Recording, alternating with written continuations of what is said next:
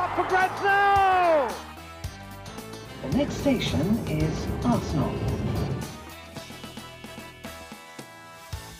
Velkommen skal du være til en splitter ny episode med Arsenal Station med Magnus Johansen og meg, Simen Goffeng.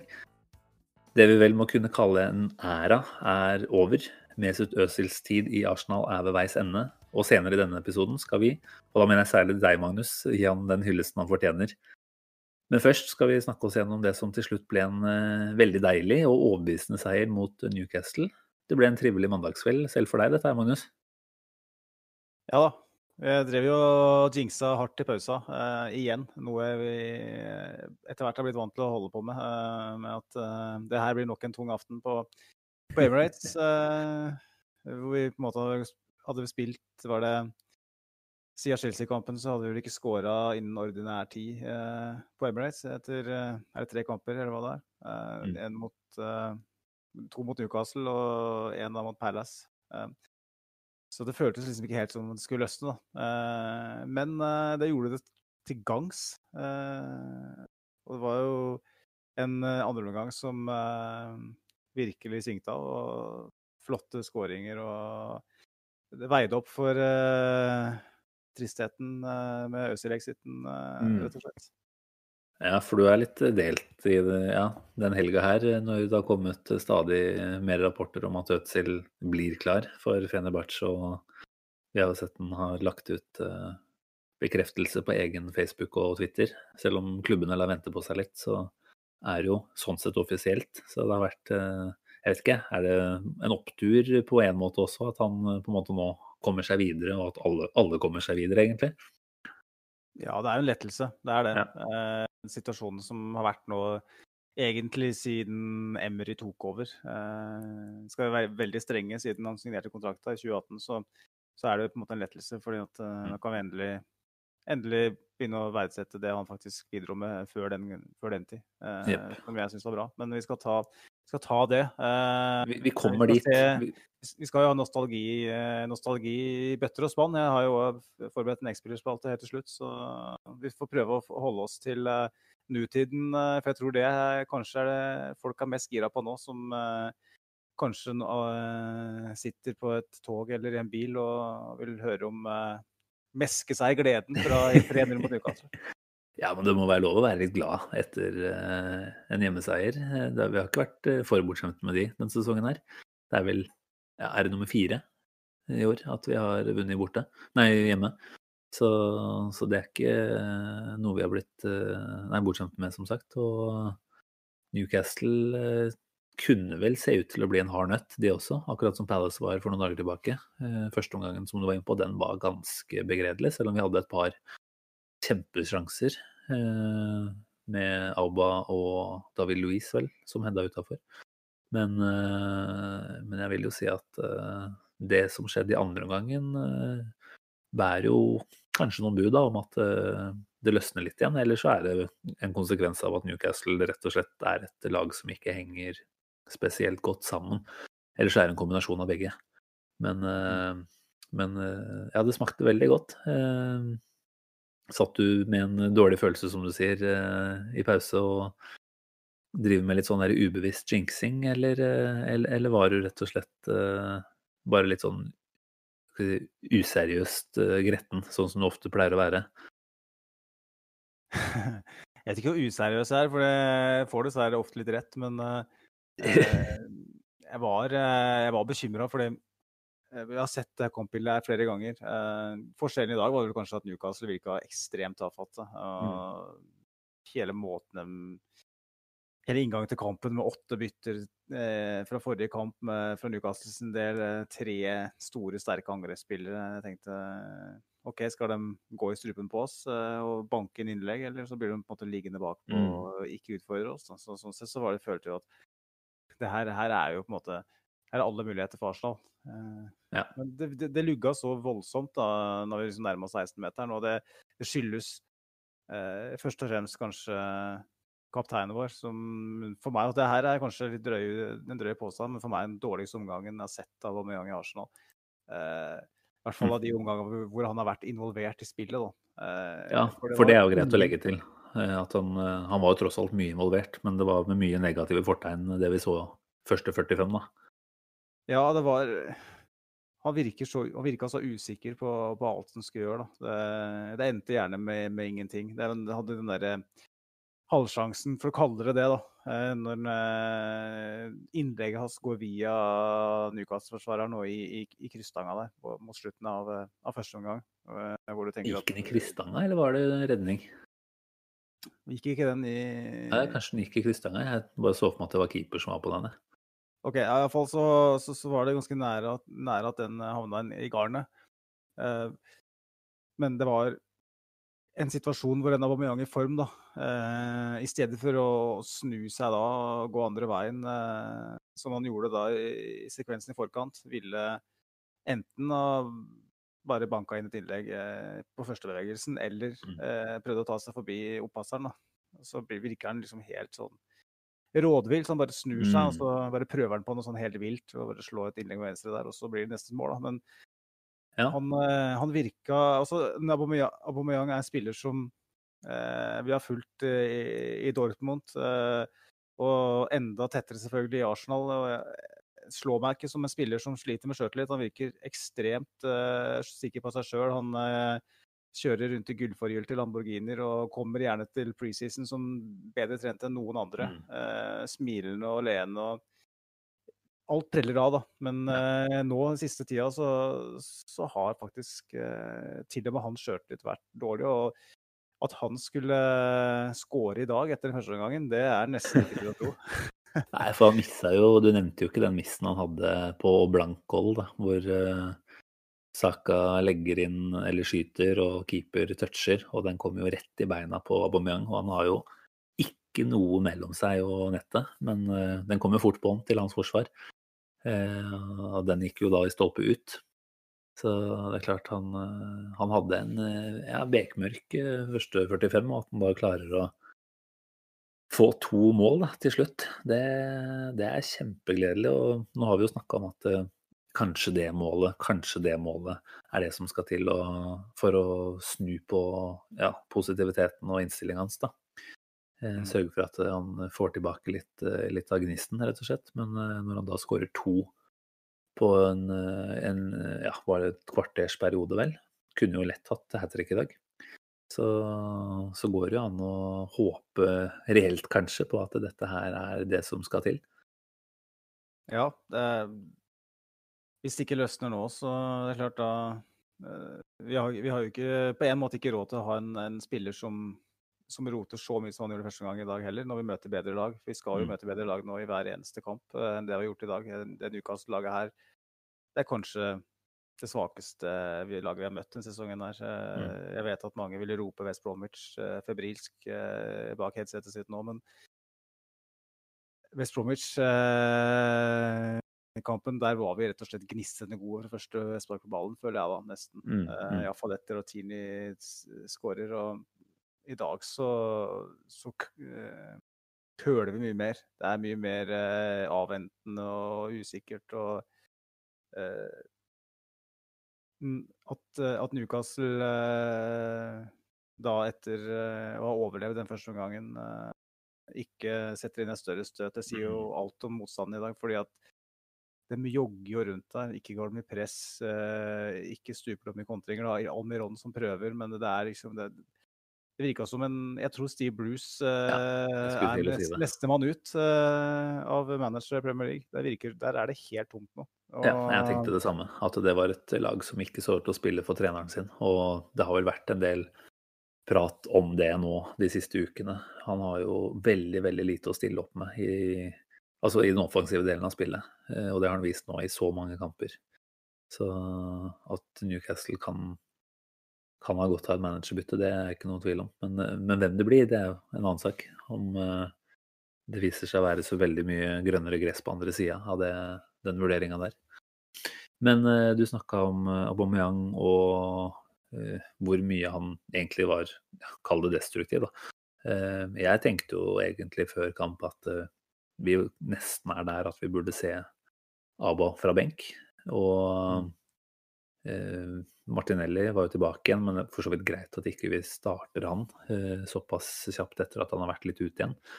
Men, eh, men Aubameyang er jo virkelig, i hvert fall før den kampen her, da, det er at han eh, må begynne å kjenne litt på eh, et ubehag rundt det å kunne bli benka. Og det, den lista veit vi at ligger høyere når du bærer kapteinspinnet.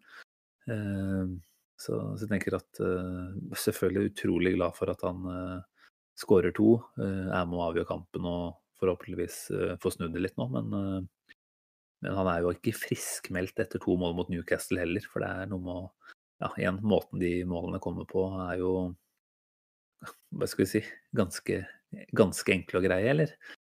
hvis vi tar den første først, så er jo kanskje vel så dårlig keeperspill som en god avslutning ballen sklir jo litt av foten, og selv om det ser ganske bra ut når han banker den opp i, i nettaket omtrent, så, så, var det jo ikke noe magisk treff, for å si det sånn. Og den andre er jo en tap-in.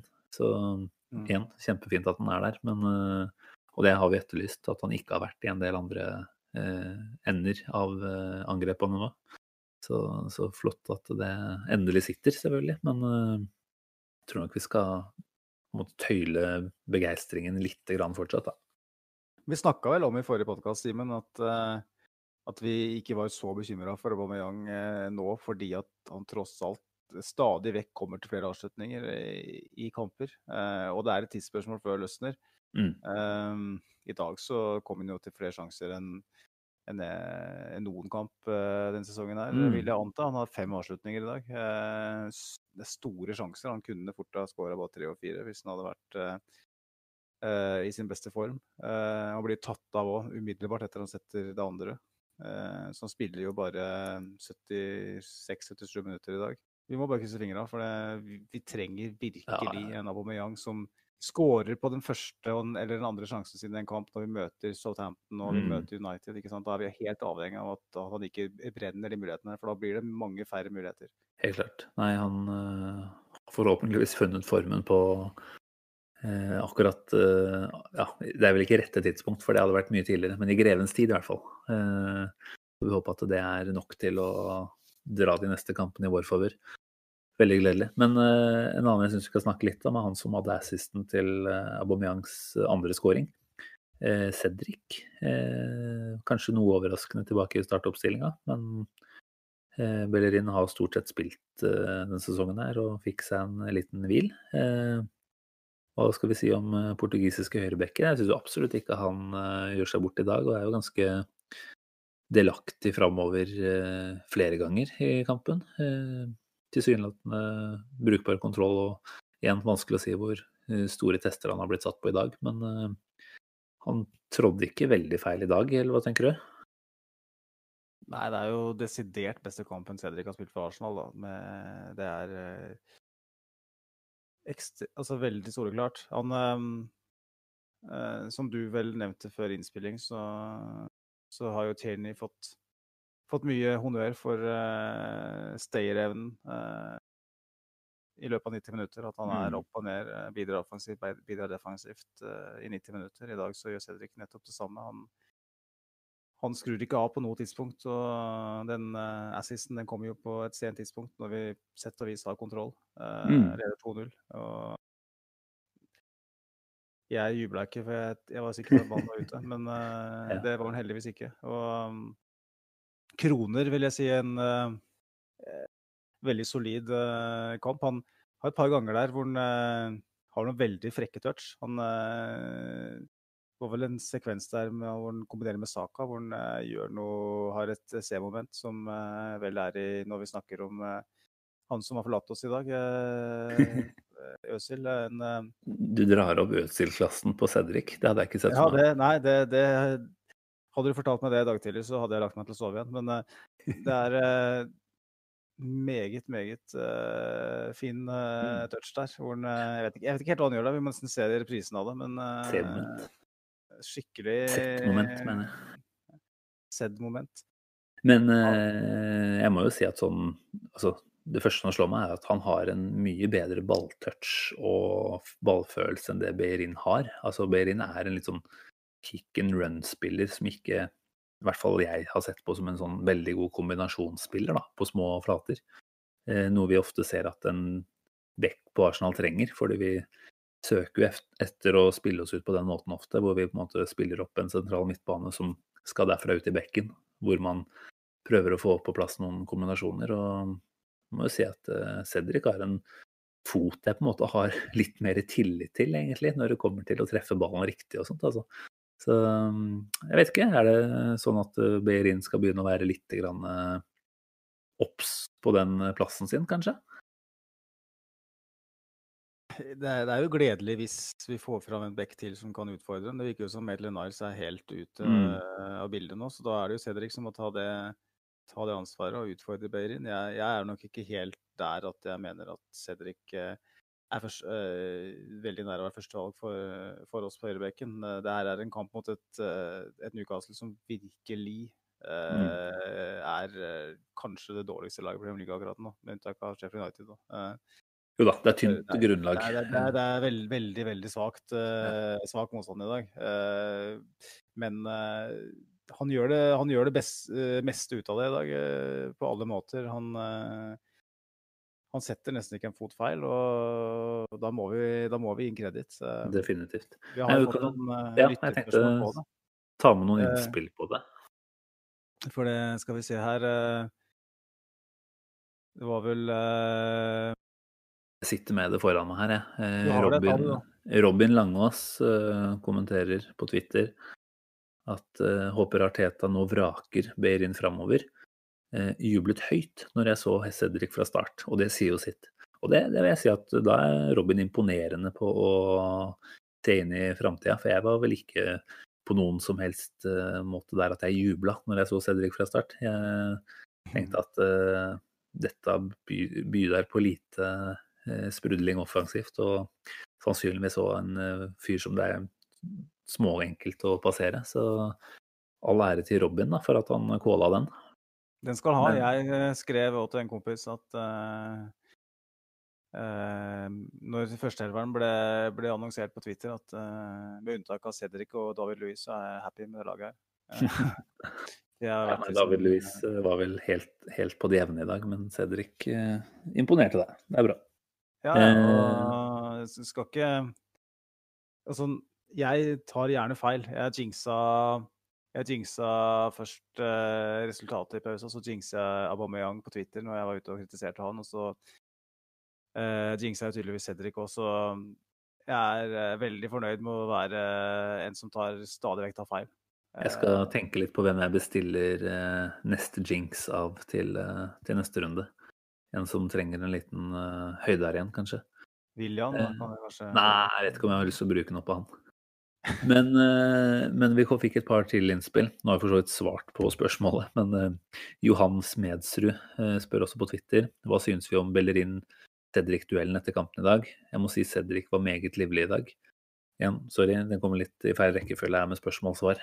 Men du har fått fasiten vår, i hvert fall. Mens eh, Sivert Eriksen kommenterer under at eh, jeg mener personlig at så lenge Cedric holder det nivået der, så skal han spille. Så kan heller veganeren sitte.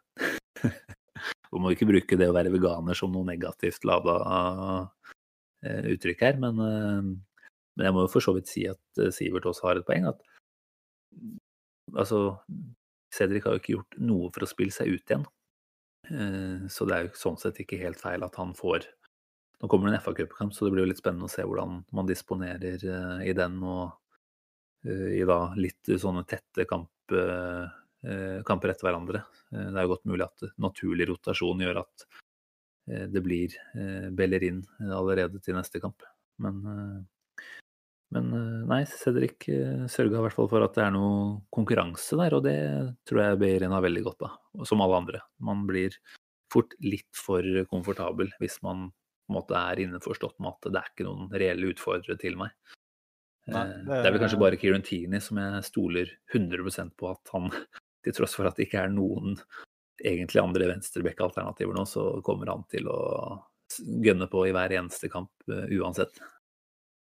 Ja, det er, um, det er mer usikkert på høyresida der, og vi har jo hatt tre spillere egentlig der som har konkurrert om den plassen. Og um, det som er fellesnevneren på høyresida for Arsenal, er jo at, de, eh, at det er en som spiller foran dem, som virker å gjøre eh, de fleste rundt seg bedre. Eh, Mona Johansen Ja, det er søstera mi, for de som har hørt på flere podkaster. Hun spør jo om er, det Saka som gjør Cedric bedre, eller er det bare svak motstand i dag? Vi har jo allerede tatt, vært inne på det siste der. Men Mm. eh, en Saka som fant en link med Beirin ganske fort. Mm. eh, en link som verken PP eller eh, William var i i stand til å, å utvikle. Vi egentlig ikke med noen, da. eh, for begge to har vært svake på høyresida. Um, Saka han, eh, han kombinerer jo fint med alle. Han går mye innover i banen i dag. eh, lager plass til Cedric. Og er en sånn type som du, du vet at du kan gi inn ballen både feilvendt, uh, under press. Uh, ikke sant? Han, du vet at Saka han, han har en plan når han mottar ballen. Han har et touch, han har en, uh, en fysikk. Han, han er jo stabiliteten sjøl med ballen i beina. Og for å svare på det spørsmålet, så vil jeg ikke ta bort noe fra Cedric ved å si at det er Saka som skal fortjenes for det. Men det er klart at hvis vi skal snakke litt om uh, Bukayo Saka, så er det jo en spiller som eh, er i ferd med å, å, å bli kanskje den viktigste spilleren vår offensivt. I en alder av 19 19 år. Jeg vet ikke hva du tenker, uh, Simen. eh, eh, I fravær av rutinerte spillere som står fram over tid, eh, kan, kan vi regne med at Saka kan spille sånn ut sesongen, eller må vi være litt mer eh, nøkterne? Vi snakka jo litt om det før vi gikk på lufta, at uh, hva er det man egentlig kan forvente av en så ung spiller som han fortsatt er. Selv om jeg må jo si at han begynner å føles som en av de etablerte. Og måten han tar ansvar på banen, måten de andre ser på han. uh, de spiller til han og venter på at han kan gjøre det lille ekstra. Det, det sier jo veldig mye om den standingen han har. Uh, men han er fortsatt bare 19, og jeg tenker jo at det man bør kunne forvente av en 19-åring som spiller eh, mye gjennom en hel sesong. Si at du lister opp 30 kamper da, hvor du på en måte forventer et eh, bidrag i større eller mindre grad. Eh, Så ville jeg tenkt at det realistiske å forvente fra en 19-åring er at den møter opp skikkelig på jobb fem til ti ganger, kanskje. Og Bukayo Sako er vel, all- er vel allerede der at han har prestert i hvert fall ti matcher når vi har spilt en halv sesong nå. Eh, Så jeg vet ikke. Han overgår jo de aller fleste 19-åringer. eh, Så det er på en måte teit å ha normal forventning til han nå, fordi alt tyder jo nå på at han eh, begynner å bli et aldri så lite fenomen, som jeg forhåpentligvis håper vi kan putte i samme kategori som de aller, aller ypperste talentene i Europa. Egentlig så er han vel der allerede, kanskje. Og nå, nå har han jo et sluttprodukt etter hvert i kamp etter kamp, så Nei, det er en fyr man bare må bøye seg i støv for, og det er så utrolig morsomt å se på ham. For han han er jo så fotballklok, og han evner å gå begge veier. Og han er liksom sånn sett alltid uforutsigbar. Da. Du, du går hele tida og venter på at han kommer til å ta seg forbi motstander, og han kan gjøre det på begge måter. Og da, da er det vanskelig å forsvare seg mot den. Så han har funnet uh, høyreflanken som, og gjort den til sin, tenker jeg. Han har vært uh, allsidig, og det er jo fantastisk. Men at han nå ser ut til å lande den ene posisjonen, det er jo også vel så gledelig. For det, det har på en måte vært en liten forbannelse for flere unggutter opp gjennom tida at de har vært litt for passe gode i flere posisjoner.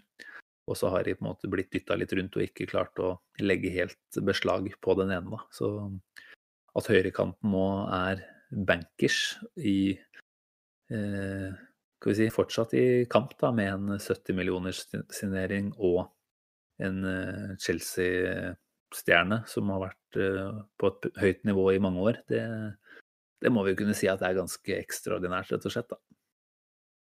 Definitivt. Vi, ehm, vi er jo privilegert som eh, kan bivåne både han og, og Smith-Roe eh, samtidig. Eh, begge fra, fra Hayland. Eh, tar du med Martinelli som, som får noen minutter i dag òg, så er det jo veldig gledelig. Da. Men vi, vi, etterlyser, jo, etterlyser jo at rutinerte skal Mm. eh, våkne opp og, og ta mer, mer ansvar. Men i, i mangel på det så får vi bare takke og bukke, da. Men um, Jo da, vi, men vi så jo, bare for å ta en liten fortsettelse der, altså det er jo ikke mer enn skal vi si, fire-fem dager siden at vi sto og stanga i 90 minutter mot uh, Crystal Palace. og det var tydelig at uh, Smith Roe ikke hadde en kjempedag, uh, som du heller ikke kan forvente at han skal ha fra kamp til kamp. men igjen et fravær av prestasjon fra de etablerte, da. Og det er jo det som koster oss de store poengene her denne sesongen. Det er jo ikke på noen som helst måte ungguttas ansvar. De har vel i mye større grad redda sesongen, rett og slett. Ja, det, dessverre, får jeg si, så, så er det slik at, uh, at når du uh, Når det er uh, unge spillere som du må forvente varierer i prestasjoner, som hva skal jeg si, ja, gjør jobben for deg oftere enn det rutinerte, så, så, vil du sitte igjen med en relativt mager poengfangst mm. på slutten av sesongen. Etter alle solemerker. og det ser vi jo. Nå er vi faktisk på øvre halvdel, folkens, av Premier League-tabellen for første gang eh, på evigheter. Eh, vel å merke så har Aston Villa fire kamper mindre spilt enn oss. på plass. Det er jo håpet vårt, at de aldri rekker å spille disse kampene her før neste sesong starter. Ja, det er det, da. Eh, men vi må bare ta med oss det at vi, vi faktisk skal komme i At we are Er det du sier det? We are top of the half. We are top of the half. det så... Der har vi en ny kjenningsmelodi, kjenner jeg. Men uh, defensivt, Simen. Uh, ja. Der uh, har, jo... har, det virkelig begynt å sette seg. jeg vet ikke om vi skal basere altfor mye kreditt på den kampen i dag mot Newcastle, men fem kamper på rad uten å slippe inn mål mm. for første gang siden 2009. Er det så lenge siden? Yes. og hva tenker du, Simen? Er, er, det noe å ta med seg her? Eller ja, det er, er, det litt tilfeldig? Helt åpenbart at det er noe å ta med seg derfra, tenker jeg. Så er det én ting man på en måte kan kalle en trend denne sesongen, her, så har det jo vært at vi har sett relativt brukbare ut bakover. Jeg vet ikke helt hvordan det ser ut på tabellen, for jeg har den ikke foran meg, men eh, jeg tror vel vi er topp, eller bunn tre da, i forhold til det å slippe inn mål denne sesongen her. Ehm, så jeg tenker at eh, det er, det er ikke bare tilfeldigheter. Vi har selvfølgelig noen stang ut som har gått i vår eh, favør, eh, senest mot Palace, da. Men, men, at det er en jobb som har blitt gjort på det defensive, det har vi jo sett helt fra Arteta kom inn, egentlig. Og at det på en måte da har gitt seg utslag i fem strake nuller, det er jo det var, Jeg var egentlig ikke helt eh, bevisst på det, men det er jo ganske drøye tall, faktisk. Det, og det underbygger jo hvor mange år siden det har skjedd også. Men hvis vi skal se litt mer på hvorfor, eh, så er det jo én fellesnevner, da. Det har jo vært en del utskiftninger i det bakre leddet der. Tierney har jo Han starta vel for så vidt eh, sesongen var han ute på starten med litt skadeproblematikk, eller har kanskje han vært med hele? Jeg spør deg, men, men, jeg er litt usikker. Men, men, jeg mener kanskje at han var ute et par tidlige kamper. Men den ene, ene tingen som har vært en konstant, er jo Rob Holding mm. på høyre stoppeplass. Eh, litt sånn unsung hero-type, men nå fikk han jo kontraktsforlengelse her eh, for noen dager tilbake, og det må vi jo kunne si at det er både vel fortjent og fornuftig, et fornuftig stykke arbeid sånn kontraktmessig. Han hadde jo to år igjen på, på, den til sommeren. Og da er det noe med å forlenge med en hva er det, 25-26 år gammel engelsk midtstopper. Um, som med en del gode prestasjoner framover nå, tipper jeg ikke er så langt unna landslagsplass igjen. Hvis han fortsetter å, å spille. Og jeg husker i preseason-poden eh, vår, Magnus, så spådde jeg at eh, Rob Holding ville starte sesongen, men at eh, William Saliba ville komme inn ganske kjapt og gjøre den høyre stoppeplassen til sin.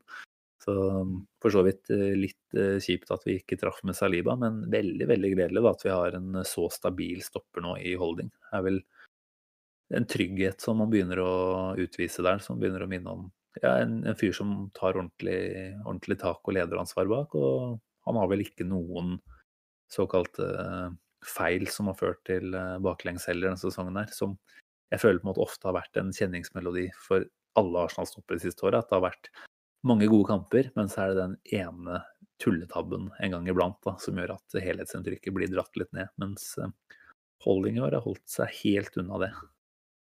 Ja, han har vært eh, veldig trygg. Og eh, når Arsenal eh, er eh, i den fasen her av utviklinga eh, med brexit og alle de nye reglene der, så blir jo de egenproduserte spillere enda mer verdt. Og i en alder av 25 så er det heller ikke sånn at vi, å gi han en, en forlengelse av kontrakten betyr at vi ikke kan selge han for eh, en, en brukbar sum penger, hvis det skulle være et, et mm. tema. Ved å ikke forlenge så risikerer vi å miste den for eh, en slikk og ingenting. Så Rob Holding eh, er en, en spiller som både utgjør en, en, en forskjell for oss per nå, og, og en spiller som det lønner seg å, å, å tenke på på lengre sikt. Definitivt. Nei, jeg, jeg, klarte liksom ikke helt å skjønne Det var jo en del motstand å spore på Twitter blant annet etter den kontrakten. Uh, det, den fatter jeg faktisk ikke. Altså. For det, det kosta sannsynligvis ikke veldig mye å forlenge den. Han har jo allerede fått én forlengelse etter at han uh, presterte veldig bra i, i, starten av karrieren sin i Arsenal. Så um, uten at jeg vet hva han sitter på nå, så tipper jeg det er overkommelig i forhold til en del andre av de lønningsposene vi driver og holder på med. Så nei, det her var et, et, godt stykke arbeid fra Edu, eh, er det vel kanskje man skal tillegge den biten der. Det er vel verdt å nevne i den sammenheng forresten at eh, Arsenal ser ut til å ha fått på plass en ny såkalt eh, hva er det, head of contract negotiations, jeg vet ikke helt. Husfami hadde jo den der rollen som Eh, kontraktsguru. Mens nå er det vel en kar ved navn Richard Garlick som kommer fra Premier League-konsernet, da, som eh, tar over den rollen der. Mm. Men det var et lite sidespor. Rob Holding, halleluja, eh, har ikke fått så mye oppmerksomhet denne sesongen her, og jeg syns det er eh, på høy tid at vi, at vi, drar opp han. For det, det er faktisk en eh, Jeg så på det, defensiv statistikk nå som plasserer oss på som det tredje beste defensive laget. Eh, men Villa er jo det ene som har sluppet inn færre enn oss, men de har også spilt en del færre kamper. Så nei, jeg tenker at det er eh, mye som ikke har funka denne sesongen her, men det defensive har eh, gjennomgående vært ganske bra, så. Ja, vi kan ta en bedre titt på det ved neste korsvei òg, Simen. For det, den podkasten ble da spilt inn umiddelbart etter kampen mot Newcastle, så vi har ikke rekket å sett sånn kjempenøye på alle tall og sånn, men uh, Sånn er det når uka er hektisk utover. Da må man eh, være litt effektive. Og når man først har fått uh, tilslag på en uh, fotballkveld fra samboer, da må man på en måte utnytte den til det fulle og, og ta podden i samme slengen. Det er vel sånn at, at det er et premiss når man går inn i et uh, partnerskap um, som dedikert Arsenal-fan som vi er, så, så, er det ikke slik at når Arsenal spiller, at det er noe som kommer foran det. Nei. Bryllup, bryllup begravelse, OK, men en, en, vanlig, en mandagskveld i januar så føler jeg på en måte ikke heller at jeg skal gi noe særlig kred til samboeren her. Håper ikke hun hører på, men det, jeg ser på det som en selvfølge. Eh, og hvis, ja. hvis hun hadde forsøkt å sagt at, uh, at det var noen som var viktigere, så kan det være at uh, man måtte tatt uh, bilen til moder og fader og tatt en natt på sofaen der. Vi er der, altså. Ja. Nei, men du, det, det, er deilig å podde rett etter kamp, så det, det, kan jeg egentlig like. Selv om det begynner å bli seint allerede nå. Men det betyr også kanskje at vi burde komme oss litt videre. Jeg vet ikke om det er noe annet fra kampen nå som du tenker at vi burde nevne. Det var jo for så vidt også greit å si at uh, Thomas Partey var tilbake fra start etter en veldig rolig tilbakeføring etter den strekkskaden. Og det var veldig godt å se at de nå tok seg den tida for å få han ordentlig på plass igjen. Syns jo han sjefer ganske bra på midtbanen i dag også. Eh, pasningskvalitet som Nå er det jo du som er tallguruen vår, men du har kanskje ikke funnet tallene hans ennå. Men jeg tipper at den pasningsprosenten hans var eh, meget pen i dag. Eh, så det er en presence ved Thomas Partey som ingen av de andre midtbanespillerne våre byr på, rett og slett. Eh, Thomas Party har eh, 95 eh, Såpass, ja. Ikke sant. Og det var, ikke, det var ikke bare enkle sideveispasninger nødvendigvis der heller. Så det er klart, han, eh, det er, det er jo en kjempestor faktor i forhold til det om vi skal klare å ja, gjøre det en del bedre i andre halvdel av sesongen eh, kontra hva vi har gjort hittil. Eh, har vi Thomas Partey på banen i 19 av 19 kamper som gjenstår, så tør jeg være ganske sikker på at vi tar flere enn de 27 poengene vi har tatt i denne første halvdelen da, av sesongen. Og det er nøkkelen her å få inn en spiller som Thomas Partey. Han har ja 95 eh, treffprosent. Han har kun 58 touch, eh, mens eh, Granit Xhaka har 102. Men vi eh, så mot Prussel Palace hadde spilte med Ceballos og Sjaka, så har vi to spillere som er veldig glad i å ta tre og fire touch på ballen før det er høst. At, eh, før Partey blir signert, at vi trenger noen som kan ta ballen gjennom ledd, som kan gjøre ting eh, mer effektivt, kjappere. Eh, og det her, Vi har nesten ikke sett Thomas Partey spille for Arsenal, for han Mm. er skada stort sett. Og, eh, når du ser den ballen han slår eh, til Laba i dag, først måten han drar seg forbi oppasset på, og så er orientert og slår den gjennom. Og Han er ikke en boksåpner, han er ikke en tier, men det er, en spiller, det er en spiller som har eh, et nivå som ingen av de andre midtbanespillerne våre har. Og han har, han har noe annet å by på. Eh, og hvis han og Sjaka kan eh, utvikle et samarbeid der, hvor du har en Sjaka som er, spiller med på det trygge, som Mm. har flere touch, som er en ballsentral, og du har en partner som tar med seg ballen fremover, så kan det bli veldig bra. Og eh, jeg jeg håper bare nå at han holder seg skadefri, så at vi faktisk Ja. får bruk for denne sesongen. her, for at Vi sa jo før sesongen at vi må ha inn en midtbanespiller. Vi må ha inn noe, hvis ikke så har vi ikke sjans. Vi har jo ikke hatt sjans heller. Uh, og det er, jo litt fordi, det er jo litt fordi at vi ikke har hatt den midtbanespilleren. Uh, og nå Mm. har vi den, forhåpentligvis, uh, i de kampene som kommer. eh, I de va- vanskeligere kamper. Og veldig smart av Arteta i dag å ta den av etter eh, ja, ja. 67. Veldig. Ja, nei, vi kan jo bare Du nevnte jo Chaka så vidt inni der, og Sivert Eriksen skriver jo at uh, Han spør om kan dere nevne denne Chaka remontadaen i poden. Uh, han så utrolig bra ut med han og Party uh, i en duo på midten der, og tenker jo Party er jo en stor nøkkel for å gjøre at eh, de andre på midtbanen skinner. Eh, Jeg føler jo at det har vi i de få gangene Party har vært på banen sagt om om makkeren hans, at han nett har sett litt bedre ut. Så eh, ja, han, er- han en allsidig type partei, og gjør nok at eh, Chaka klarer å få, ja, kanskje få litt mer tid på ball, motta ball i enda litt gunstigere posisjoner, som gjør at han kan spille litt, litt bedre pasninger. eh.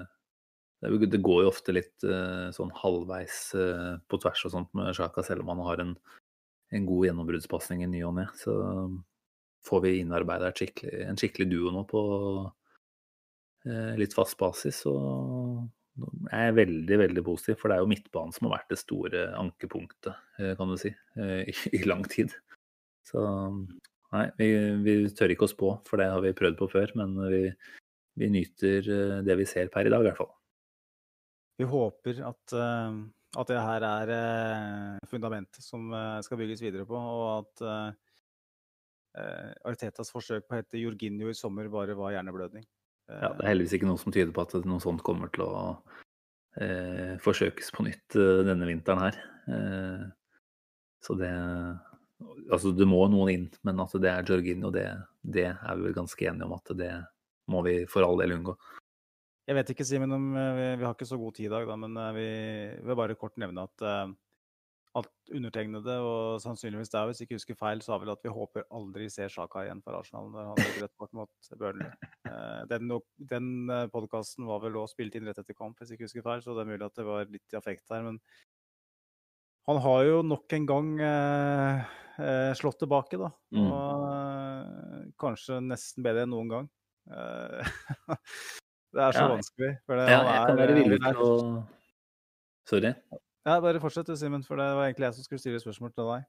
Ja, nei, jeg kan si at jeg kan være villig til å komme med en beklagelse. fordi en ting jeg på en måte var ute og saga han litt for da etter den utvisninga hans, det var jo at han ikke gikk ut og beklaga da, og la seg paddeflat i etterkant og sa sorry, gutta, dette var på meg. Eh, noe vi f.eks. så PP gjorde da etter den utvisninga mot Leeds. Eller Gabriel eh, når han ble utvist. Mm. Eh, men det er klart, hvis jeg skal prøve å minne meg selv på hva jeg egentlig mener, så er jo det at fotballspillere kan egentlig bare drite i å skrive ting på Twitter og sånt, for det, det betyr ikke noe så lenge du ikke backer det opp på fotballbanen. Eh, og at eh, sånn sett, når han nå har diska opp med ganske mange gode kamper etter at han var ferdig sona, eh, så må jeg vel kanskje bare gi han, gi han den, at han har eh, kommet med det beste svaret han kunne. Eh, hvis han internt i garderoben har beklaga seg og måte, han er jo ikke noen sånn stor sosiale medier-kar i utgangspunktet heller. Og ja, bøyer hodet og beklaga og nå på en måte bestemt seg for å motbevise kritikere som han vet er der. Så all ære til han for det. Så er jeg kanskje litt kynisk når jeg allikevel sier at jeg venter vel bare på at han mister huet på et eller annet tidspunkt, om ikke så altfor lenge. Men, men nei, ja, han, han, skal få et lite pluss i margen, han altså. Yes. Mm. Uh, jeg vet ikke om vi skal bruke noe mer tid på det da. Da har Nei, vi vel uh, Nå har vi nesten snakka om hele laget. Nettopp. Og nå vi har ikke, vi har, Det er noen vi ikke har nevnt, men sånn var det. Vi glemte jo Kirin Tierney både etter West Brom og etter um, Newcastle-kampen i FA-cupen forrige helg. Vi har ikke snakka om Tierney i det hele tatt, men det har alle andre gjort. Så det, vi får vel kanskje unnskylde at vi ikke nevnte den etter West Brom spesielt, men ja. vi skal heller ikke snakke noe om den nå. Vi har vel en Vi skal vel kanskje videre til en spiller som ikke lenger er Arsenal-spiller. Som, som, ikke er blant oss? Det hørtes ut som han var død, da, men det er den heldigvis ikke. Simen, du vet jo at jeg har eh, tjukke Øsil-briller og har en softspot for han som kanskje er litt for bløt. Um, men derfor så tenker jeg heller at jeg skal gå til uh, mer objektiv, uh, edruelige deg og, spørre deg hvordan du uh, tar nyheten om at Mesut Özil nå omsider uh, tar turen ut av England og til. Fenerbahçe. Mm. Jo, takk. Jeg tenker du skal absolutt få lov til å meske deg litt med alle Øtzil-minnene dine ganske snart. Men jeg kan jo starte med å si at jeg må jo si at jeg er letta på en måte over å kunne si at vi er ved veis ende med denne Øtzil-sagaen som det på en måte har blitt nå. Det har vært veldig mye utenomsportslig fokus. Vi må kunne kalle det utenomsportslig når han har vært eh, så lite deltakende og delaktig i det som har skjedd på banen. Eh, selv om han har møtt opp på treningsfelt og si, gjort jobben sin der, så, så, har han jo vært langt unna å bidra på, på, det sportslige plan, som vi tross alt eh, tenker at det er viktigst. Så nei, jeg tenker jeg er veldig godt fornøyd på mange måter, Magnus, på at nå er dette kapitlet, denne æraen, på mange måter uh, ved veis ende. han har jo vært der nå er det sju og et halvt år. Det må man vel kunne kalle en, en æra, rett og slett. Eh, vemodig, det er det jo. Han eh, er jo av de, en av de herligste fotballspillerne vi har hatt eh, i, opp gjennom historien, og særlig den tida jeg har fulgt med, så har han jo vært en ren nytelse å se på. Uh, jeg er ikke like ekstrem som deg i, i hvor, hvor, glad jeg er i han, men, men jeg syns jo at han, han har på en måte vært en del av en periode i klubben hvor vi har, om ikke annet, eh, vunnet litt sølvtøy igjen. Han har jo fått det, Blir det fire FA-cuper? Ja. Nei, han, jo, det blir fire FA-cuper, faktisk. Eh, det er fire FA-cuper siden han ankom, ja. Mm. Det er det. Så jeg syns jo absolutt at vi skal Altså, det har vært mye snakk om Ramsey når han gikk, at det er en legende. Det er klart han har jo vært enda litt mer delaktig i et par av de FA-cuptriumfene, kan du si, da. Men men jeg tenker det er synd at mye av det som har skjedd nå de siste par årene, har fjerna mye av det fokuset man burde ha på hvor ekstremt god fotballspilleren Øtzil uh, særlig var, da. Men kanskje også fortsatt er. Det vil jo litt av framtida vise nå i, i Fenerbahçe. Men jeg må jo si at uh, da nyheten kom nå om at uh, dette her kommer til å skje, så har jeg jo har tenkt mye på deg, Magnus. Tenkt at dette her må være en tid for mye ambivalens for din del? Ja, det, det var jo en, uh, min ubestridte drømmespiller uh, uh, før han kom Arsenal. Min store favoritt. spiller i Europa, egentlig. Kunne jo ikke helt forstå det, at, at nettopp han skulle, skulle, komme til Arsenal og spille i, det, i vår drakt. Og kanskje blir litt syn litt farga av det. At jeg, han allerede var en halvgud i mine øyne. Han var jo Når han slo gjennom i, i Tyskland, da, men uh, så, så, ble det snakka mye om ham allerede da. Og, mitt første møte men var jo VM i 2010. det var jo da kanskje fotballverden virkelig fikk øye opp for ham. Mm. og det var noe helt særegent ved den fotballspilleren måten han bevega seg på, touchet hans, eh, blikket hans for spillet, måten han orienterte seg på. Det var det er, nesten sånn, det er nesten sånn du ikke har sett før, ikke sant? Eh, en fotballspiller som er så sjenerøs eh, eh, i måten han spiller på. Som mm. alt han gjør på banen, er for å gjøre medspillerne sine bedre. Eh, vi har jo hatt en spiller i Arsenal som er min aller, aller største favoritt, som heter Dennis Bergkamp. Men han kunne finne på å prøve å lobbe fra 25 meter, ikke sant? For han hadde, han hadde den dimensjonen i spillet sitt. Og jeg, han, han, setter jeg aller høyest, men Øzil han er kanskje den, den spilleren uh, jeg kan huske å ha sett som har vært uh, mest fokusert på å Hva skal jeg si å, å spille medspillerne sine bedre. Mm, mm. Det var liksom det som var hans greie. Og av og til så var det frustrerende, for han i stedet for å skyte, så når han absolutt ble gjort det, så prøvde han å finne en, en lagkamerat som var dårligere plassert. Stemmer. Det er noen eh, eksempler. Men han var kanskje den mest kreative fotballspilleren, eller midtbanespilleren i, i Europa i ganske mange år. Mm. Det finnes tall på det som viser at det er vel nesten kun Messi i løpet av en sju-åtte-årsperiode som hadde bedre tall enn en Øzil mm. som, som tilrettelegger. Han Eh, hadde en storhetsperiode i Real Madrid, og han hadde også i mine øyne en storhetsperiode i Arsenal. Eh, spesielt den 2015-16-sesongen hvor han vel satte ny rekord for antall skapte sjanser. Antall ja. mål i løpet av et kalenderår. Eh, ja. Lista er lang da, over ting han, han gjorde. Hadde spilt på et lag hvor, hvor lagkameratene ikke var på samme nivå, hele de som spilte foran. Nei, og Det er jo viktig å legge til det, at uh, hadde han vært uh, omgitt av Altså, vi kan jo absolutt si at Giroud over en karriere har vist seg som en verdensklassespiller i forhold til produksjon på landslag og en del eh, hele veien i, i, Premier League. Men det er jo ikke til å stikke under en stol at eh, det var jo på mange måter Giro Walcott som kosta oss det gullet i 15-16-sesongen. Eh, da Giro gikk hele andre halvdel av sesongen uten å skåre et eneste mål, vel, omtrent. Eh, mm. så, så, det er klart at eh, Ødsel eh, fikk mye ut av kanskje ikke det som er gråstein, men i hvert fall eh, ikke, ikke gull da, framme der. Ja, han, han, gjorde det, og eh, sitter jo bare med en litt sånn følelse av eh, for, en forspilt sjanse, da. At du har en mm. sånn spiller. Eh, og det er først når han egentlig er godt over middagshøyden, som vi vel kan konkludere med, at vi henter spillere som virkelig kunne ha kunne ha bidratt til å, å, løfte han nå til et enda høyere nivå. Uh, når Aubameyang kommer, så er dessverre Øzil allerede på vei ned. Det må vi kunne si nå. Mm. Og um, han fikk heldigvis noen år med Alexis Sanchez, uh, og de to hadde en veldig god link. Um, og du kunne se at, uh, at, de likte å spille sammen. Og hvis én var ute, så, så, var, så, var, det sånn at den andre gjerne ikke var like god.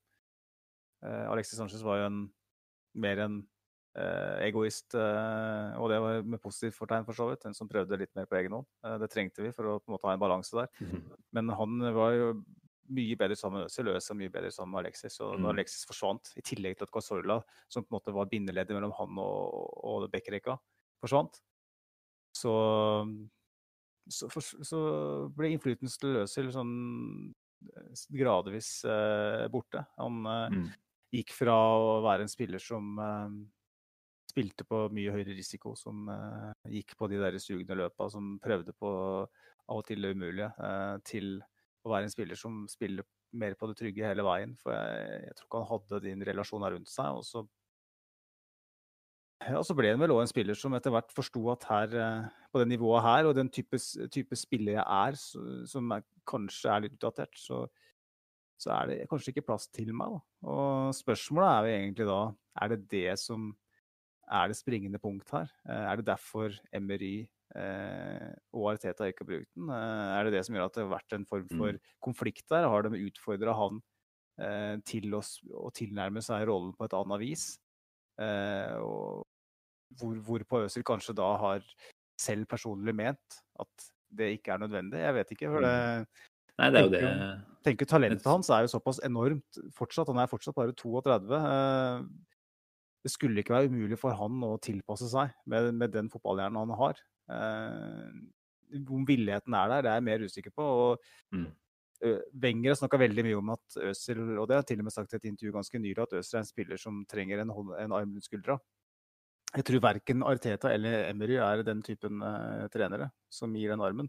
Av og til var den armen litt for trøstende. Litt for, uh, av og til så fikk Øzil litt for mange fordeler. Han fikk lov til å stå over kamper og uh, fikk privilegier som andre ikke fikk, til tross for at mm. han fikk, best, fikk bedre betalt enn alle andre. Men så er jo da Arsen Wenger en, en, en, manager som håndterte egoer på, på, en måte som kanskje ikke Eh, er eh, normalt. Da. Hadde en tillit til sine egne mm. spillere som, som av og til uh, virkelig gjorde de spillene bedre, men så av og til gjorde at han fikk vanskeligere arbeidsvilkår sjøl. Og jeg tror Øzil um, ved å bli utfordra av en Emery og etter hvert en Arteta um, ikke klarte å respondere på det. Kanskje ikke ønska å respondere på det heller, jeg vet ikke. Men det, det, er, Nei, jeg, det, er, et mønster der. Ja, jeg tenker jo det er en sammenheng mellom ja, vilje og motivasjon der, rett og slett. For det, det, var jo mye som skjedde i den perioden hvor han ja, signerte kontrakt. Det var vel like før det at han hadde eh, lagt seg ordentlig ut med landslaget, eller skal man si landslaget hadde lagt seg ordentlig ut med han. Eh, på en måte var i en periode eh, i karrieren sin hvor han på en måte har vunnet eh, mye av det som kan vinnes, og hvor han kanskje ble utfordra eh, mer på å redefinere seg selv. Da, sånn som vi kan f.eks. si David Silva gjorde i, i Manchester City. Fra en sånn mer en klassisk tierrolle der òg, til å bli en enda bedre allround-spiller, da. Mm. Så, så, jeg må jo si at uh, uh, Jeg tror jo også at Øzil hadde hatt kvalitetene, i, altså de iboende kvalitetene han har fotballmessig, til å, til å endre seg litt, kanskje. det tror jeg nok. Men om han mente at det var det som skulle til for at eh, både laget skulle bli best mulig, og at han skulle eh, få vise seg fra sin beste side, det, det kan man vel tvile på. Så ja. nei, uansett eh, noe med å sette ekstremt stor pris på det vi har fått servert fra han, særlig da de første ja, fire-fem åra, og prøve å heller eh, glemme litt av det som har skjedd eh, deretter. Men det er klart, så lenge det har kosta såpass mye penger, så må det også være lov å måte si at det er ikke bare å glemme det. Det er ganske bittert å tenke på at den lønningsposen har tappa klubbkassa for såpass mye. Men det, det er igjen noe vi kan tappe, takke klubben selv for. Det er ikke han som eh, tilbød seg selv den kontrakten. Nei, det var uh, noen pennestrøk som egentlig skulle ta oss til neste nivå, som endte med å egentlig sette litt lenker på, på oss over en ganske lang periode. Så mm det, sånn er det den gang. Og mm, det viktigste for meg er å huske eh, og sette pris på at vi har hatt eh, i mine øyne en av de mest sexy fotballspillere i den moderne æraen. Uh, spillende for oss uh, i sju år. 259 eh, kamper for, for Arsenal. Jeg gleda meg alltid ekstra til å se Arsenal når Røsil uh, spilte sjøl uh, mot slutten. Den kampen mm. mot uh, Chelsea i jula i 2019, hvor på en måte han var allerede litt avskilt og kommer inn første gangen han spilte da. så det er en mm. stor påminnelse om hva slags geni vi, vi, har med å gjøre her. Da. Og det er, det er forbanna irriterende at det liksom ikke, at det ikke har kommet, klart å, å, få mer ut av han. Og det ser du på Arteta i intervjuer, at han, han føler på det. At det her, her er det, en, det er en forspilt sjanse på mange vis. Eh, det det. At ikke Øzil er, eh, er, med og bidrar. At ikke han kunne vært med en sesongen her, i hvert fall. Og, og hjelpa Smith-Roe i, i, det mellomrommet. Um, mm. Fordi footballing reasons, den diskusjonen vil vi ikke ta, men den, kjøper, den kommer jeg aldri til å kjøpe. Så. jeg tenker, vi har snakka så mye om Øzil uh, tidligere på den poden her at uh, det blir å gjenta mye av det vi allerede har vært innpå. Så får heller folk uh, lete seg fram i arkivene hvis det skulle være av interesse. Men uh, Men jeg tenker vi setter en strek over den biten. Men før vi på en måte går helt videre fra så syns jeg jo det er på sin plass å eh, komme med beste Øtzil-minne. Vi stilte spørsmålet på Twitter før, eh, før, kampen mot Newcastle. Mens jeg lister opp uh, ulike tilbakemeldinger på Twitter, Magnus, kan du tenke litt på hva som er ditt uh, store Øtzil-høydepunkt gjennom uh, karrieren? Eh, for å ta første tilbakemelding vi fikk der, så skriver Anders Engebretsen at hans første scoring i Arsenal-trøya mot Napoli i Champions League henger høyt for meg for en klasseavslutning. Bresier en køl i krysset.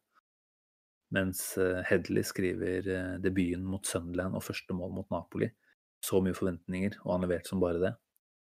Eh, og så er det Johan Smedsruen som skriver Ødsel mot Ludogorets er vel en av de bedre minnene mine. Pasningen til Giroud er også en god nummer to. Før Håkon Førrisdal avslutter med å skrive Ødsels varemerkeavslutning mot Liverpool på 2-2 22.12.2017. Eh, kun han som får skutt ballen ned i bakken sånn at den skippes. Man ser at det er jo ganske mange gode, gode minner som dras opp av hatten her, og at uh, særlig denne avslutningsteknikken er jo verdt å gi litt ekstra mention på, Magnus. For det, det ble vel egentlig varemerket til Øtzil, ja, den derre Øtzil bounce som, uh, som han både skåra flere mål på og serverte noen sjuke pasninger også. Så Vet ikke, Er det sånn at noen av disse utvalgene her eh, eh gir gjenklang hos deg, eller? Prøver å være litt mer original da, og komme opp med noe eget. Og det jeg tenker på først, er jo en, en førsteomgang fra det som vel var eh, beste periode i Arsenal, nemlig høsten 2015. Hjemmekampen mot Manchester United. Den mm. vant 3-0. Den første omgangen der hvor den først vel har en assist og så scorer, hvis ikke jeg husker feil. Eh, den bevegelsen han gjør i forkant av assisten til Sanchez der. Eh, tror det er 1-0-målet. Det er liksom da, da, da er det Øzil som rett og slett bare styrer alt. Han, han leder Arsenal mot et United van Hall med Schweinsteiger som er fullstendig parkert på midten der. og eh, Da føltes det ut som det Arsenal-laget skulle, skulle gå hele veien. Det var en sesong hvor ting ikke funka for, eh, for de andre topplagene, som dessverre endte med at vi ikke klarte å tukte Leicester. Eh, men eh, mm. det føltes på det tidspunktet som nå, nå skjer det. Nå, nå, nå, er vi på gang. Og Øzil var på det tidspunktet uten tvil Premier Leagues beste spiller. Og den første omgangen syns jeg oppsummerer, oppsummerer godt. Det, da var jeg i drømmeland. Jeg våkna dessverre ganske kjapt når eh, nærme oss januar, og det var noen skader og sånn. Men eh, får, det er viktig å nyte øyeblikkene, og mm. det er det fotball handler om. Hva med deg, Siden? Mm. Nei, det har, mange, det har, vært mange, øyeblikk, og jeg tror nok dessverre ikke jeg klarer å være like original som deg, altså. Eh, ene lytteren var inne på her, så er det nok eh, målet mot uh, Ludogorets som måte står ut som det ene helt, helt uh, ultimate øyeblikket for meg. Det var jo en kunstskåring eh, som vi egentlig ikke har sett maken til. Altså, det er som du kan sammenligne med Bergkamp sine genistreker. Eh, og det er vel noe Øzil også karakteriserte som sitt eh, beste mål i løpet av Arsenal-karrieren. Han var ute på en sånn Q&A på Twitter her for noen dager siden. Ehm, det var, og det var vel attpåtil en matchvinnerskåring. Så kan du si at det var bare mot Ludogorets. Men det var, det var så mye av den finessen da, som man på en måte eh, tenker på når man eh, snakker om Øtzil, som ble personifisert gjennom den skåringen der. Så det var, eh, det var mitt eh, store høydepunkt. Jeg hører du sprekker opp i stemmen, Simen. Eh, ja. jeg er på linje. Det er, det er, det er trist å, å, innse at, at det aldri ble helt det vi kanskje hadde håpt, men vi må sette pris på estetikken. For det, det er det råeste vi har sett uh, siden uh, Invincibles når det gjelder ren estetikk. Uh, så får folk krangle på Twitter i huet og ræva om hvem som har vært den beste spilleren i Emirates der, og sånn, det gidder vi ikke å ta nå. Men at Øzil rent estetisk har vært den mest sexy vi har sett i Arsenal siden flyttingen fra Hybrid, det er jeg ikke tvil om. Nei. Og kjenner jeg deg rett, så kommer du til å eh, avlegge en, eh, revisitt eh, til Ødsel en gang i framtida, når du skal lage din 148. X-spillerspalte. Dessverre så har jeg Eh. allerede tatt Øsil i X-spillerspalten, for jeg, Ja, fader, jeg hadde du! Herregud, beklager så meget. det er jo ganske lenge siden, faktisk, men jeg skjønte på det tidspunktet at eh, nå er Øsil ferdig. Det er sant, Eh, det. Og da tenkte jeg at da tar vi nå. Mens, eh, mens alle spyr ut eh, eder og galle om Øsil, så skal jeg ta og oppsummere den fantastiske eh, tida han hadde i Arsenal eh, fram til 2018. Ja, der avslørte jeg akkurat hva jeg driver med, da. Når du driver og leser opp X-spilleren. Da tar jeg meg en liten nepp, faktisk. Det kan jo være at vi, at vi tar og minner om den eh, eh, på sosiale medier i løpet av neste dager. Sånn at folk eh, kan høre den igjen hvis de ønsker det. Eh, nå som det faktisk er slik at han er en X-spiller. Ikke sant. Vi kan se om vi kan klippe ut en lite utdrag og legge det ut på et eller annet vis. Men eh, når vi da snakker om X-spilleren, så er det vel kanskje på sin plass å gå videre i episoden også. Og sørge for at vårt eh, siste segment for kvelden eh, blir unnagjort. Vi har podda lenge i dag, og jeg vet at du brenner etter å komme i gang med, med denne ukens X-spiller, Magnus. Så jeg lurer på om du bare skal få tre over på scenen og, og ta en deilig framføring. Yes, når vi først er inne på nostalgi, så kan vi kjøre på med en til. Um, Arsenal-folkloren inneholder en rekke skarpskyttere. Sankingen av gullstøvler har sågar sørga for at vi kan sko en hel storfamilie med skinnende fottøy. De mest notoriske måljegerne har ikke bare oppnådd legendestatus i N5, men også i engelsk fotball noen også i en hel fotballverden. Målsnittene de har oppnådd, er nesten ikke til å tro. Herbert Chapmans gullkalv fra 30-tallet, Cliff Bastin, noterte seg for 0,45 mål per kamp for Arsenal. Tidenes kanskje beste Premier League-spiss, Thierry Henry, stoppa på 0,6 mål per kamp. Han som tilsynelatende elska lyden av nettsus mer enn noen annen, Ian Wright, oppnådde småsyke 0,64 mål per kamp. Og dagens X-spiller var heller ingen jegerbom-bom. Snarere tvert om. Med 0,75 mål per kamp slår han dem alle. Av spillerne med 100 mål eller mer for Arsenal har han det klart beste snittet. Så hvem er denne litt glemte legenden? Vel, målsnittet er ikke det eneste oppsiktsvekkende han har på CV-en. Hans 42 ligamål i løpet av én sesong er fremdeles klubbrekord. Hans elleville kanonade mot Aston Villa, som endte med hele syv fulltreffere, sørga for rekord i den engelske toppdivisjonen. En rekord som fremdeles står. I tillegg var han den første noensinne til å vinne den engelske toppdivisjonen, både som spiller og som manager. At sistnevnte bragd skjedde på Londons vestkant med Chelsea, må vi nesten la passere. Som Arsenals toppskårer hele fem sesonger på rad og med en rekke titler, skaffa han seg tilstrekkelig med goodwill. Men historien kunne vært en helt annen. Som tenåring var han booka inn på prøvespill hos lillebror Tottenham. Grunnet en skade var måljegeren imidlertid forhindra i å stille. Og la oss alle ta et øyeblikk for å verdsette nettopp det. Kanskje hadde skyggebeboerne hatt litt mindre støv i trofékabinettet om tilfeldighetene hadde agert annerledes. Etter en tur utafor divisjonssystemet ble dagens mann plukka opp av Southampton. Og der gjorde han seg såpass bemerka at datidens store tittelgrossist i engelsk fotball lot seg imponere. Tre år etter Southampton-debuten ble han henta til Arsenal av George Allison. Og hans nye sjef sparte ikke på, konfekten, sparte ikke på konfekten da overgangen var et faktum. Vi har henta verdens beste spiss, lød hyllesten.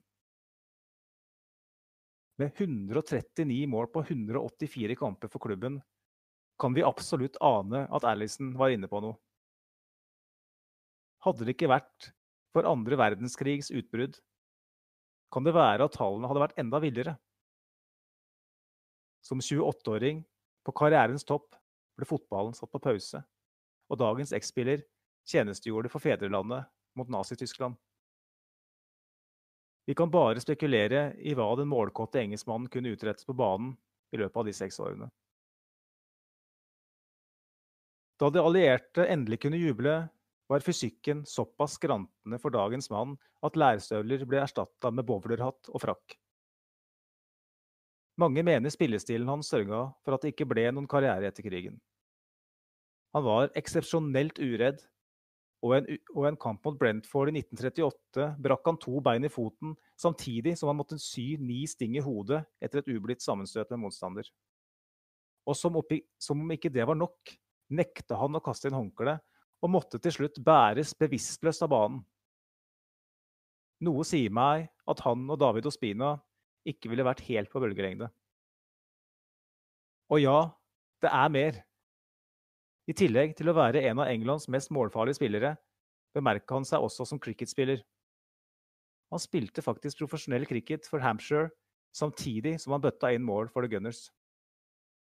Man kan ikke annet enn å hylle pioneren, rekordgrossisten, cricketspilleren, løytnanten og storskåreren Ted Drake. Ja, nei, da var du inne på en av de virkelig store opp igjennom, Magnus. Takk for eh, historietimen, må jeg vel først og fremst kunne si. Jeg ble både ett og to hakk eh, klokere på Arsenal. En av de store Arsenal, eh, kan man kalle det legende? Det må vel absolutt være på sin plass. Selv om han gikk hen og vant en ligatittel med den blå naboen litt lenger sør. Men, men, jeg visste faktisk ikke om at det oppholdet hans på en måte ble såpass ja, definerende, må du kunne si. Du stilte jo spørsmål ved kunne han skåra flere mål. Det er det vel helt trygt å si ja på. Han kunne skåra sikkert et stort, stort antall flere mål, hadde han vært litt heldigere med timinga på, på, verdenskrigen der. Så han er vel, jeg mener det, sitta på den derre allround-lista med toppskårere, er han på sjetteplass over uh, Arsenals toppskårere gjennom tidene? Jeg tror på femte. Ikke er det femte? Ja, ja du, du, sa kanskje femte? Jeg tror ikke jeg, jeg nevnte det, men uh, jeg satt og gjorde litt research på den jeg skrev teksten, og da er jeg ganske sikker på at han var nummer fem på lista. Ja, riktig. Men, eh, men, det er klart, han, han, kunne jo kanskje også for alt vi vet trona på topp der, da. Hadde han vært, eh, eh, ja, som jeg sa, heldigere med, med krigsutbrudd og den slags. Men uh, det her, Magnus, det var, det var, rett og slett uh, litt lærerikt, må man kunne si. Det er sånn som gjør at man klarer å bli litt klokere på neste quiz som Arsenal Norway avholder. Uh, får vi se når det blir. Men men eh, dette her var eh, interessante saker, så takk for eh, god leveranse. Jo. Du, du koste deg kanskje litt ekstra når du måtte dypdykke litt i arkiver og ja, eller eventuelt google han litt ekstra hardt, kontra hva du har gjort med noen av disse andre spillerne som du har mer friskt i minne? Ja, altså De fleste tekstene som blir skrevet så langt, handler jo stort sett om det, de opplevelser jeg har hatt sjøl. For jeg føler at i, i, kraft av å ha sett spillere sjøl, så, så, kan du komme med litt mer levende beskrivelser. Eh, men det er vel ingen av de som hører på denne podkasten her, som så Ted Rake live. Så ja, Da lyver de i så fall. så det, det, handler litt om å av og til eh, overraske litt med noe som eh, er litt gammelt. Og husk på at 30-tallet er uh, Arsenals mest suksessrike periode. Mm. Eh, og hvis man på en måte skal gå tilbake og se på hvorfor Arsenal er en så stor eh, klubb i, i, engelsk målestokk, og euro, europeisk målestokk for så vidt også, så må man tilbake til 30-tallet og se på hva slags mm. fundament som ble bygd av Herbert Chapman i forkant der, og, og videreført ja, og, og George, George Allison, da, som du nevner òg, som var den som tross alt henta han. Ja, og det er jo, men det er jo på en måte det er jo Herbert Chapman som er hjernen bak uh, mm. det som skjedde på 30-tallet. Men uh, George Allison kom inn og tok over uh, når Herbert Chapman mm. dessverre døde veldig ung. Og um, når Cliff Basin faktisk var en såpass notorisk måleger som det han var, at han da går og henter Ted Drake i tillegg, sier litt om hva slags stormakt Arsenal var. da. Mm. Ja, nei, men som sagt, veldig bra levert. Gleder meg til neste neste innspill. Det ga egentlig litt mersmak, det her. Å, å få noen sånne skikkelige svart-hvitt-spillere servert. Så få se hva du klarer å diske opp til neste uke, Magnus. Nå må vi vel eh, sånn sett kanskje begynne å tenke på å runde av eh, for denne kvelden her. Nå er det Det er vel egentlig natta, eh, kan vi si. Så hvis du og jeg skal klare å komme oss av gårde på jobb i morgen tidlig, så, så er det på tide å logge her. Men før vi gjør det, så må vi bare nevne at overgangsspalten har vi egentlig latt passere i revy i dag. Og det er vel egentlig mest fordi det har vært veldig lite nytt å melde om på overgangsryktefronten. Du hadde et navn oppe her i stad som vi bare kan ta kjapt med, Magnus. En Sjakter Donetsk-spiller. Ja, han er Solomon, er ikke det det heter? Solomon. Vi, vi, fant ut at Solomon er glad i å spille på høyreving, og vi har mye bra på høyreving. Eller det har vi egentlig ikke, vi har én veldig bra på høyreving. Så vi, vi, har ikke vært så veldig på å finne ut av eh, rykte Eh, ja, sterkheten på det ryktet der, da. Så vi får heller komme ordentlig tilbake til overgangsspalten i neste, neste, episode, Magnus. Det gjør vi. Snakke litt om, om hvordan de nye brexit-omstendighetene nå gjør at Eller hvordan det vil påvirke potensielle incomings framover, da. Men det, det, kan vi komme tilbake til. Eh, nå tenker jeg, Hva er det som er i vente neste, neste dagene sånn på fotballfronten eh, og for Arsenals del? Har du oversikt? Det er vel ikke noe kamp nå før til helga, er det? Southampton eh, sannsynligvis i FA-cupen. Eh, hvis de klarer å Vet ikke hvordan det er med en kamp mot Shrewsbury, er det noe, om den skal bli spilt, eller om, om det er noe Ja, det må vel spilles? Det hvis den... Da er det ikke snakk om at det var noe utbrudd i Shrewsbury? Um, uansett, altså antar at det er Southampton som venter eh, i, i FA-cupen. Uh, og så er det igjen Southampton da, som venter i, i midtuka. Uh, ja. To bortekamper på rappen mot uh, Southampton sannsynligvis. da. Så vi får se om vi klarer å, lure en pod imellom der, eller uh, får vi tenke at vi skal ta for det som du nevnte da, med brexit. Det er litt interessant å se på hva mm. slags betydning det har for, for klubben og for Premier League. Og europeisk fotball for så vidt, generelt. Men uh, vi, har vel ikke noen god plan på det. Uh, det eneste jeg har lyst til å, å, nevne, er at hvis det er noen som driver med podkast uh, der ute, som har peiling på innspillingsprogram, så har vi gruta klokka så mye her for at vi har, driver, bruker Discord som plattform her. Og det, det kladder nå grenseløst. Så hvis det er noen der ute som vet om noen gode, gode programmer å spille inn i podkaster i, så fyr løs. Altså, det hadde jeg satt veldig pris på. Ja, det hadde, det hadde, vært en liten bonus, for nå har det vært uh, mye kladding, ja. Så nei, nå begynner jeg å bli trøtt. Så la oss uh, runde av der, Magnus. Bare avslutte med å si at vi selvfølgelig setter veldig stor pris på uh, både innspillene som dukker opp i, i, kommentarfelt, men også en like eller follow på Facebook og Twitter. Det, det, er kult å se at det er stadig flere som trekker mot, mot de sidene der. Så da er det egentlig bare å si takk for at du lyttet til oss eh, i dag også. Eh, takk for at du putta oss i hjørnet. Så høres vi igjen om ikke så altfor lenge. Ha det bra.